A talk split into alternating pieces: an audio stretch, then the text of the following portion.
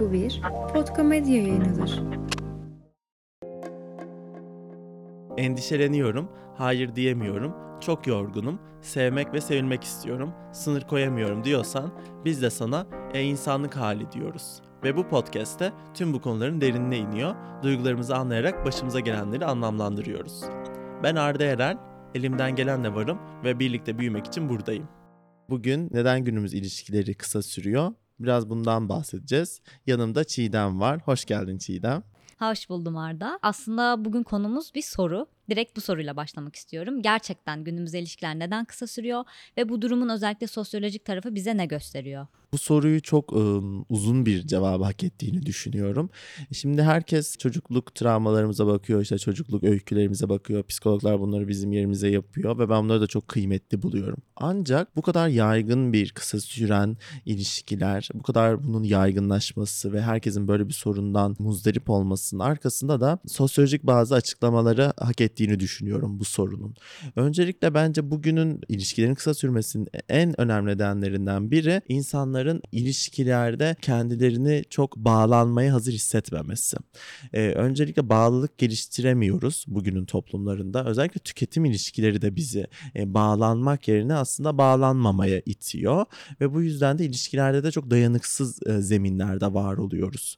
Bu dayanıksız zeminler bağlanmakta zorlanmak da ilişkileri kısa süreli olmasına sebebiyet veriyor. Yani bunları istediğimiz kadar işte anne baba hikayelerimize, çocukluk hikayelerimize dediğimiz gibi açıklayalım. E, bunun böyle sistemsel tüketim ilişkilerinin üzerimizdeki etkisiyle, e, sistemin e, etkisiyle çok e, ilişkili olduğunu düşünüyorum. Aynı zamanda bir hız çağında da yaşıyoruz ve bu hız içerisinde insanların da birbirini aslında birer tüketim e, metası gibi gördüğünü e, görüyoruz. Yani bunu çok fazla sosyologla çalışıyor ve burada hızlı tüket ilişkiler e, yaygınlaşıyor ve özellikle yeni çok daha mesela önemli bir e, kelime. Yani yeni çok büyülüyor insanları. O yüzden de e, eski ya da e, kalıcı olan önemsizleştiriliyor. Ne olursa olsun yeninin bu gücünden e, insana kendini alamıyor. Yeninin daha iyi olacağını, yeninin kalıcı olanın önüne geçeceğini ve daha farklı bir şeyler bize verebileceğini düşünüyor. Bunun altında hem mükemmelliyetçilik var hem de aynı zamanda e, bu sistemsel üzerimizdeki manipüle edilmiş bazı sistemin düşünceleri var ve biz bunları içselleştiriyoruz ne yazık ki. Bunlarla ilgili çok ilişkili olduğunu düşünüyorum e, bugün ilişkilerin kısa sürmesinin. Bu sadece tabii bir tarafı ve ama çok önemli bir tarafı olduğunu düşünüyorum bunun. Belki sosyal medyanın da bunda etkisi vardır. Biraz da o noktadan bakmak istiyorum aslında. Sosyal medyada gün içinde deli gibi içerik tüketiyoruz. Hatta bu yıl böyle yapılan bir araştırmada Instagram'da bir günde 80 metre scroll ettiğimiz yani günlük 80 metre Hmm. aşağı kaydırdığımız söyleniyor.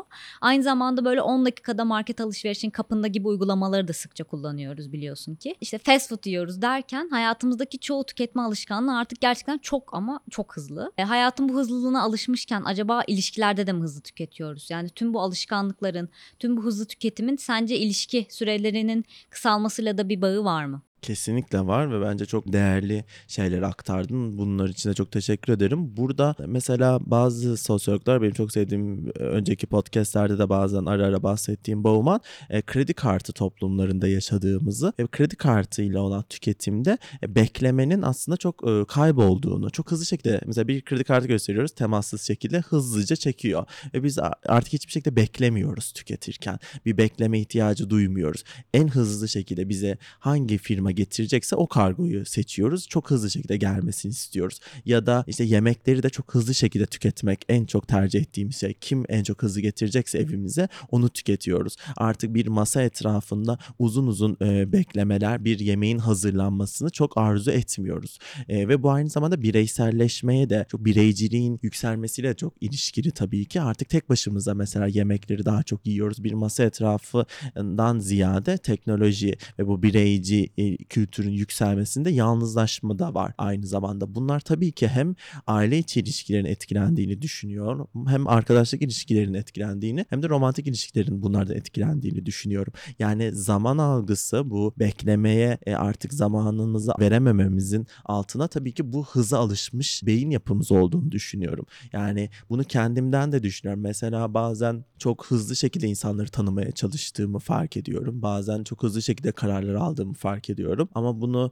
ne kadar çok kendi çocukluğuma bağlarsam bağlayayım bir cevap bulamıyorum. Aslında bunun içinde yaşadığım toplumla çok ilişkisi var. İçinde yaşadığım toplum çünkü çok hızlı şekilde bir şeyleri tüketmemi, çok hızlı şekilde e, karar almamı ve bunları e, bana dayatıyor. Bu yüzden de bunların tabii ki senin de bahsettiğin gibi teknolojiyle, işte sosyal medya kullanımının biçimleriyle ve diğer birçok şeyle çok ilişkisi olduğunu düşünüyorum. Yani bugün çok fazla böyle çocukluktan gelen şeylerin hayatımıza etkisini görüyoruz. Ama doğru yani güzel söyledin.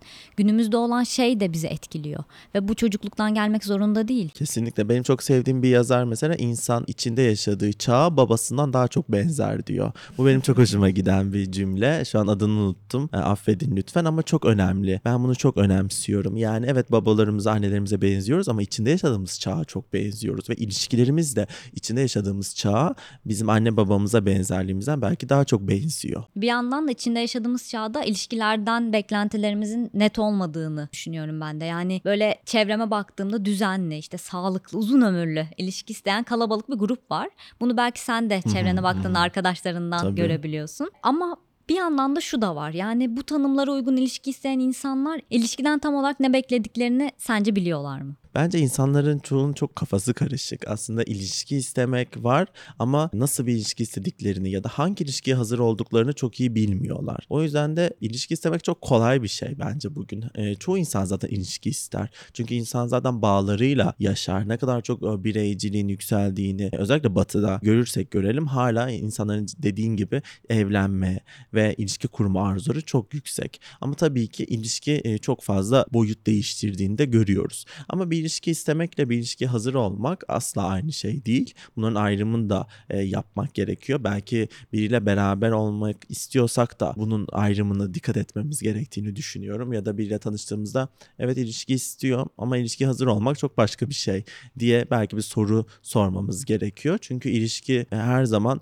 zorluklarla, bazı e, dikenlerle dolu bir alan ve bugünün insanı daha çok orayı sadece mutlu ol- olması gereken bir yermiş gibi görüyor. Ama tabii ki biliyoruz ki bu çok zor. Hele de bugünün bu hız çağında ilişkilerin bahsettiğim bu sistemin etkilerinden bağımsız olması da çok zor. Bunun için hem sosyoloji çok iyi bence bilmemiz gerekiyor hem de psikoloji çok iyi bilmemiz gerekiyor. Çünkü sosyoloji bildiğimizde en azından bazı duygu durumlarımızın e, bizim psikolojimizde değil de aynı zamanda sistemsel tarafıyla da bizi etkilediğini görmüş oluruz ve bu da bizi en azından bazı konuların e, bireysel değil de toplumsal bir zemini olduğunu e, bize gösterirken bizi biraz daha özgürleştirebilir ve rahat ettirebilir, rahat hissettirebilir diye düşünüyorum. Çünkü çok fazla kendimizi suçluyoruz kısa süren ilişkilerde. İşte bu benim yüzümden oldu. Yine ben yapamadım gibi ama bunun aynı zamanda e, bahsettiğim gibi çok sistemsel, sistemin baskısının tarafı da olduğunu düşünüyorum.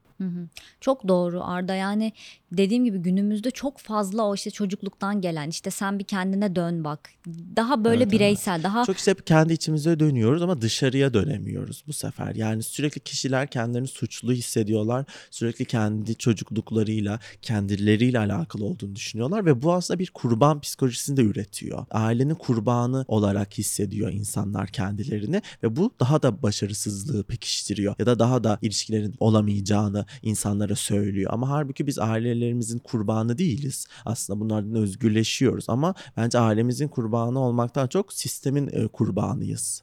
Belki de böyle de bakmamız gerekiyor. Hı hı, evet. Aslında sen düşünürken bütün toplumu da düşünme önemsediğini söylüyorsun bizlere. Burada da aslında beklentiler üzerine işte toplum üzerine kendimiz karşımızdakinin üzerine düşünmekten bile öte insanlar birbirini tanımak için dahi artık vakit harcamak istemiyorlar ve harcamıyorlar da. Bilinçsiz bir şekilde ilişkiye giriyorlar aslında. Bu durumu dating app'ler de çok besliyor. Hatta dating app'lerin hayatımıza etkisinden bir önceki bölüm yani date yorgunluğu bölümünde birazcık bahsettik. O bölüme de göz atabilirsiniz. Bu app'lerle, yaşantımızla, şu anki genç neslin ilişki beklentileri ve değerleri konusunda ne gibi değişiklikler olduğunu düşünüyorsun?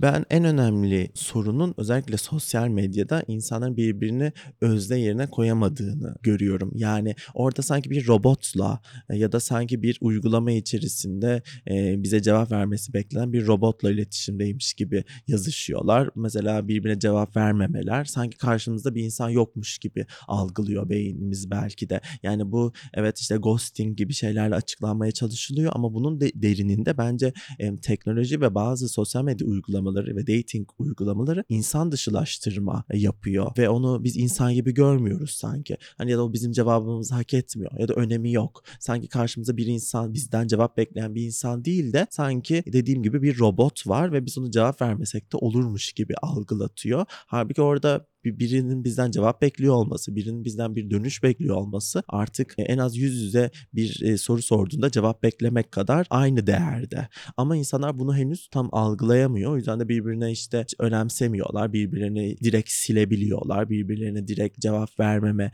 e, gibi diyaloglar kurabiliyorlar. Böyle boşluklar yaratabiliyorlar ilişkilerinde. Ben burada o yüzden de en büyük sorun özneleşme sorunu olduğunu düşünüyorum. Ve çok hızlı şekilde insanlar birbirini tanıdığını zannediyor. Senin de bahsettiğin gibi ama tanımak çok uzun bir süreç. Belki yıllar alan bir süreç ve bitmeyen bir süreç. Ben tanımanın başlayıp bitmediğini düşünüyorum. Ama insanlar bir ayda ben onu tanıdım ya, ben onun ne olduğunu anladım ya gibi tespitlerde bulunuyorlar. Ama biz kendimizi bile e, çok kısa sürelerde tanıyamıyoruz. Kendimizi tanımamız için bile yıllarımız gerekiyor ve hala ben yani Arda olarak e, hala kendimi e, tanıma sürecinde olduğunu düşünüyorum. Çünkü tanımak bitmeyen bir süreç. Belki ben 70'lerime 80'lerime de geldiğimde ve seninle belki yine podcast yaptığımızda yine aynı şeyi söyleyecek olabilirim. Çünkü o, o zamanda da başka süreçlerim, başka tanıma e, prosedürlerim belki kendi içimde devam edecek. Bu yüzden de insanlar e, ben onu tanıdım, ben onu anladım gibi aslında varsayımlarla hareket ediyorlar. Ön yargılarla hareket ediyorlar. Bu tabii tanımak değil.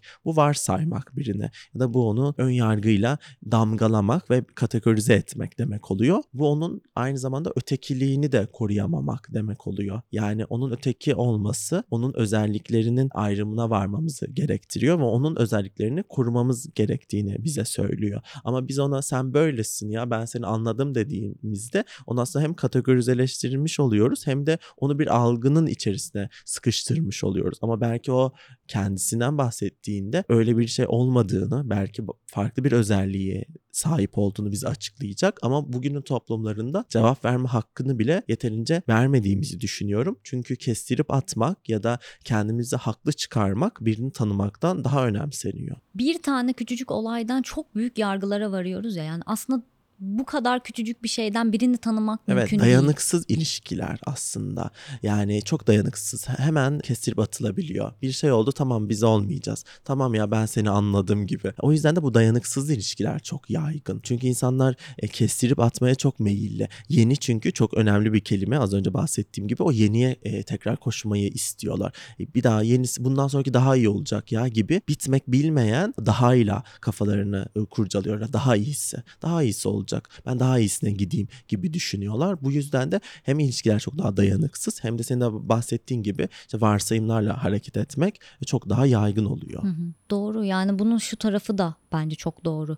Daha iyisi var. Hı hı. Yani hep bu daha iyisi. Ben bunu hak etmiyorum. İşte Evet. bu yanlış Evet, evet. gibi bir taraf. İnsanlar çok kendilerinin en iyisi hak ettiğini e, düşünüyorlar. Bugünün toplumlarında kişisel gelişim endüstrisi de bize bunu sürekli dayatıyor. Ama ilişkilerimizde hani karşı tarafı önemsetmiyor mesela. Yani insanlar e, karşı tarafın da iyisini hak ettiğini, bizim de onlara bir sorumluluğumuz olduğunu, bizim de onlara iyi hissettirmek gibi ya da onların e, haklarını korumak gibi gereksinimlerimiz olduğunu, bir sorumluluk duygumuz olduğunu düşünmüyor. Tek sorumluluğu bireye indirgiyor. Yani sen sadece kendini düşün. Sen sadece kendine değer ver. Mesela bu söylem de çok yaygın. Kimseye değer verme, kendine değer ver. Aslında bu hem aşırı bireyci bir, ultra bireyci bir söylem hem de ötekini değersizleştiren bir söylem. Ama bağlar ötekine de değer vermekle em, güçlenen bir e, zemindir. Başta söylediğin şey de benim çok hoşuma gitti. Yine bununla bağlanıyor.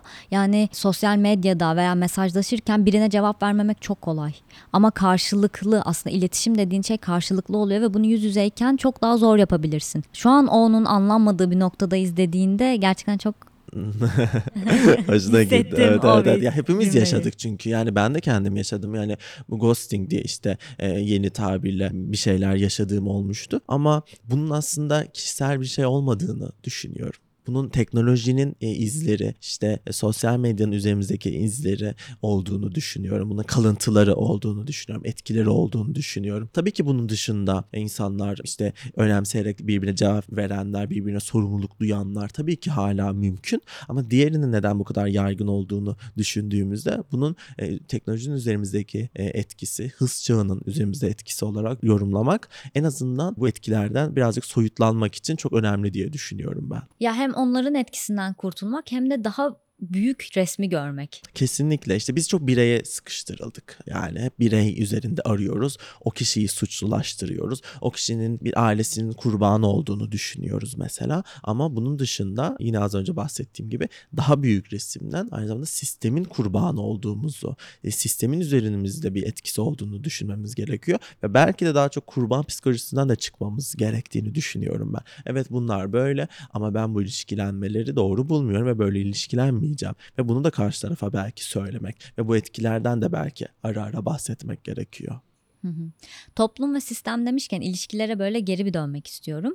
Aslında bir romantik ilişki sahibi olmak, sevgilim var demek toplum tarafından bir başarılı olarak da görülüyor. Hmm, demek ki birileri tarafından beğeniliyor. Demek ki bir ilişki kurabiliyor gibi gibi bambaşka açılardan bir başarı olarak görülebiliyor. Veya tam tersini düşünelim. ilişkisi olmayan birine işte bulamadı mı birini ya da daha ilerisinde belki işte sen de evde kaldın şeklinde yaklaşılabiliyor. Bu da çok yaygın bu arada. Hani sıkça gördüğümüz duyduğumuz cümleler. E, dolayısıyla birçok farklı nedenden sırf ilişkim olsun diye ilişkiye giren insanlar doğuyor.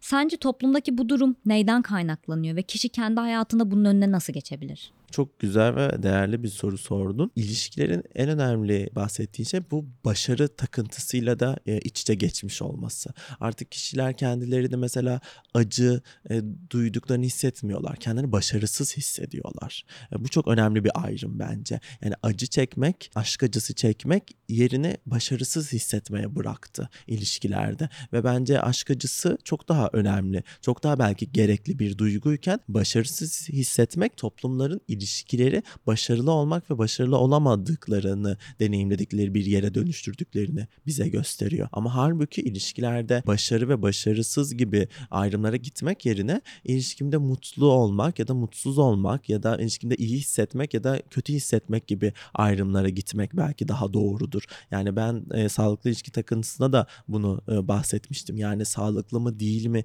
diye düşünmek yerine farklı sorular sormamız gerektiğini düşünüyorum. Burada da aynı şekilde düşünüyorum. Yani ilişkin başarılı mı başarısız mı değil. Çünkü bu bir yarış değil. Ama rekabetçilik o kadar yaygın ve rekabetçilik o kadar istenen bir duygu durumu ki bugünün piyasalaştırılmış toplumlarında. Yine benim çok sevdiğim sosyolog Eva Illouz da piyasalaştırılmış duygulardan da bahsediyor. Yani artık duygularımız da piyasalaştırılmış şekilde. Bu yüzden de başarılı ve başarısız aslında piyasanın e, bize söylediği e, kelimeler. Yani e, borsada bahsedebilirsin ya da belki bir yatırımın başarılı olup olmadığından bahsedebilirsin. Ama bir aşkın başarılı olup olmadığından bahsetmemen gerekiyor. Çünkü aşk başarılı ve başarısız gibi bir şey değil. Hani aşk sadece mutlu ve mutsuz olabileceğin ya da kendini iyi hissedip ya da iyi hissetmeyeceğin bir zemin. Ama bugün bunun yaygın olmasının nedenlerinden biri her şeyi aslında bu tüketimden ve metalaştırılmış bir zeminden görmemizle ilişkili olduğunu düşünüyorum ve kişiler kendilerini tabii ki çok başarılı olmaları gerektiğini düşünüyorlar. Her şekilde yani iş anlamda da başarılı olmalarını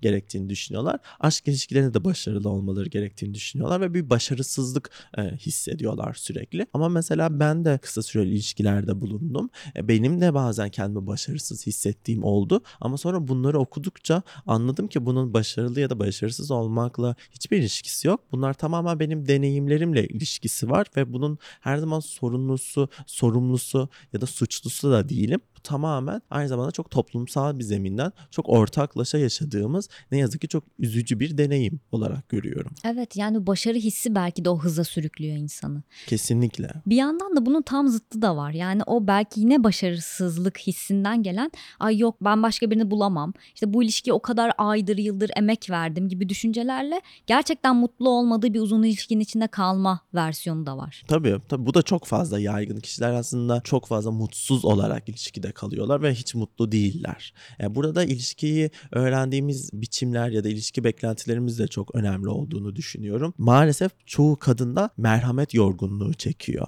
Yani sürekli bir e, merhametli olmaları gerektiğini hissediyorlar. O yüzden ilişkiyi ayakta tutmaları gerektiğini düşünüyorlar. Sürekli erkeklere özellikle e, ikili ilişkilerinde hep merhamet duymaları gerektiğini düşünüyorlar ve burada duyguların dağılımında kadınların bu duyguları daha çok sahiplendiklerini ve daha çok yorulduklarını görüyoruz. course. Bu e, mutsuz ilişkileri devam ettirmelerin altında bu duygu durumlarının da yattığını düşünüyorum ben. Sen anlattıkça aslında şeyi çok iyi anlıyorum. Aslında ne kadar farklı şeyleri sorguluyoruz. Yani sorgulamamız gerekenden çok uzak şeyleri sorguluyoruz. Asıl sorgulamamız gerekenler dedin ya bir ilişkide mutlu musun değil misin? Aslında bu kadar da basit, bu kadar da veya toplum sana ne diretiyor? Bunun farkında olmak. Her gün yaşadığın şeye bakmak aslında. Kesinlikle ya da bazen kısa sürmüştür ama seni çok mutlu etmiştir. Keza benim bir ilişkim öyleydi. Benim için çok kıymetliydi. Çok kısa sürdü ama hiçbir önemi yok. Bende bıraktığı miras olan bir duygu var ve çok güzel bir duygu bu. O yüzden bunun ortaya çıkması senelerce sürmesinden bence çok daha önemli bir şey diye düşünüyorum ve ben bunun e, kıymetini bilmeye çalışıyorum. Doğru. Ben de mesela şöyle hissediyorum. Senin anlattığına böyle bağlantılı geldi. Kaliteli arkadaşlık, gerçekten bağ kurabildiğin normal arkadaşlıktan bahsediyorum. Romantik ilişki değil. Zamanın çok önemli olduğunu düşünmüyorum. Yani ben mesela gün geçtikçe daha büyüdüğümü, daha büyük farkındalıklarla e, bu hayata devam ettiğimi düşünüyorum. Dolayısıyla hayatıma giren insanlar belki çok kısa sürede gerçekten çok daha kaliteli bağlar kurduğum insanlar oluyor. Bunu fark edebiliyorum. Kesinlikle zamanla çok ilişkisi yok aslında. Birine yakınlık duymamız e, gerçekten hızlı şekilde de ge- gerçekleşebiliyor. Bu illa işte çok hızlı oldu bu yanlış bir şey gibi de bir şey değil. Bazen gerçekten çok hızlı şekilde birine çok yakınlık hissedebiliriz. Ortak bir paydada buluşabiliriz ve onunla bağ kurabileceğimizi hissedebiliriz ve gerçekten de bağ da kurabiliriz. İkili ilişkilerde gerçekten duyguların zemini sağlamsa ve kişiler gerçekten ortak paydada buluşabiliyorsa özellikle isteklerinde e, hızlı gitmek ya da yavaş gitmekten ziyade ikisinin de aynı şeyi ifade ettiğini düşünüyorum. Hatta yeni romanımda böyle bir cümle yazdım. E, yeni çıkacak romanımda. Hani eğer gerçekten beraber olmak istiyorsan hızlı gitmek ya da yavaş gitmek aynı şeydir. Ben böyle düşünüyorum gerçekten de. Hani karakterimin düşündüğü gibi onunla aynı şeyi düşünüyorum burada. Hızlı gitmek ya da yavaş gitmek bazen e, aynı şeydir. Dediğin gibi arkadaşlık ilişkisinde de öyle. Çok yakınlık duyabiliriz kısa sürede. Aslında süreden ve o hızdan bağımsız duygular bunlar ve asıl onlara bakmak gerekiyor. Kesinlikle. Çok teşekkürler Arda. Çok güzel açılardan yaklaştın ve hiç düşünmediğimiz mutlaka dinleyenlerin de böyle ha evet ya böyle düşünmemiştim dediği noktalara Ya değindin. öyleyse ne kadar mutlu oldum. Çok teşekkür ederim ben de sana eşlik ettiğin için. Bizi dinlediğiniz için çok teşekkür ederiz. İlişkiler hep kısa sürüyor. Bir türlü uzun ve sağlıklı ilişki kuramıyorum diyorsanız biz de size e insanlık hali diyor ve buradaki kök nedenini keşfetmeniz için ışık tutuyoruz. Sonraki bölümlerde bambaşka konularda duygularımızı, düşüncelerimizi ve kendimizi daha iyi anlıyor, başımıza gelenleri anlamlandırıyor olacağız. Birlikte büyümek istersen bir sonraki bölümde buluşalım.